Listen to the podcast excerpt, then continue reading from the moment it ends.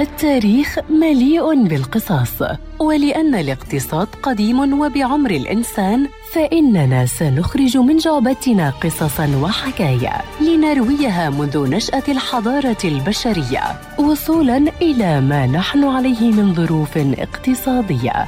في بودكاست تاريخ الاقتصاد مع المدون الاقتصادي مجد النوري عبر إذاعة أجيال ومنصاتها المختلفة.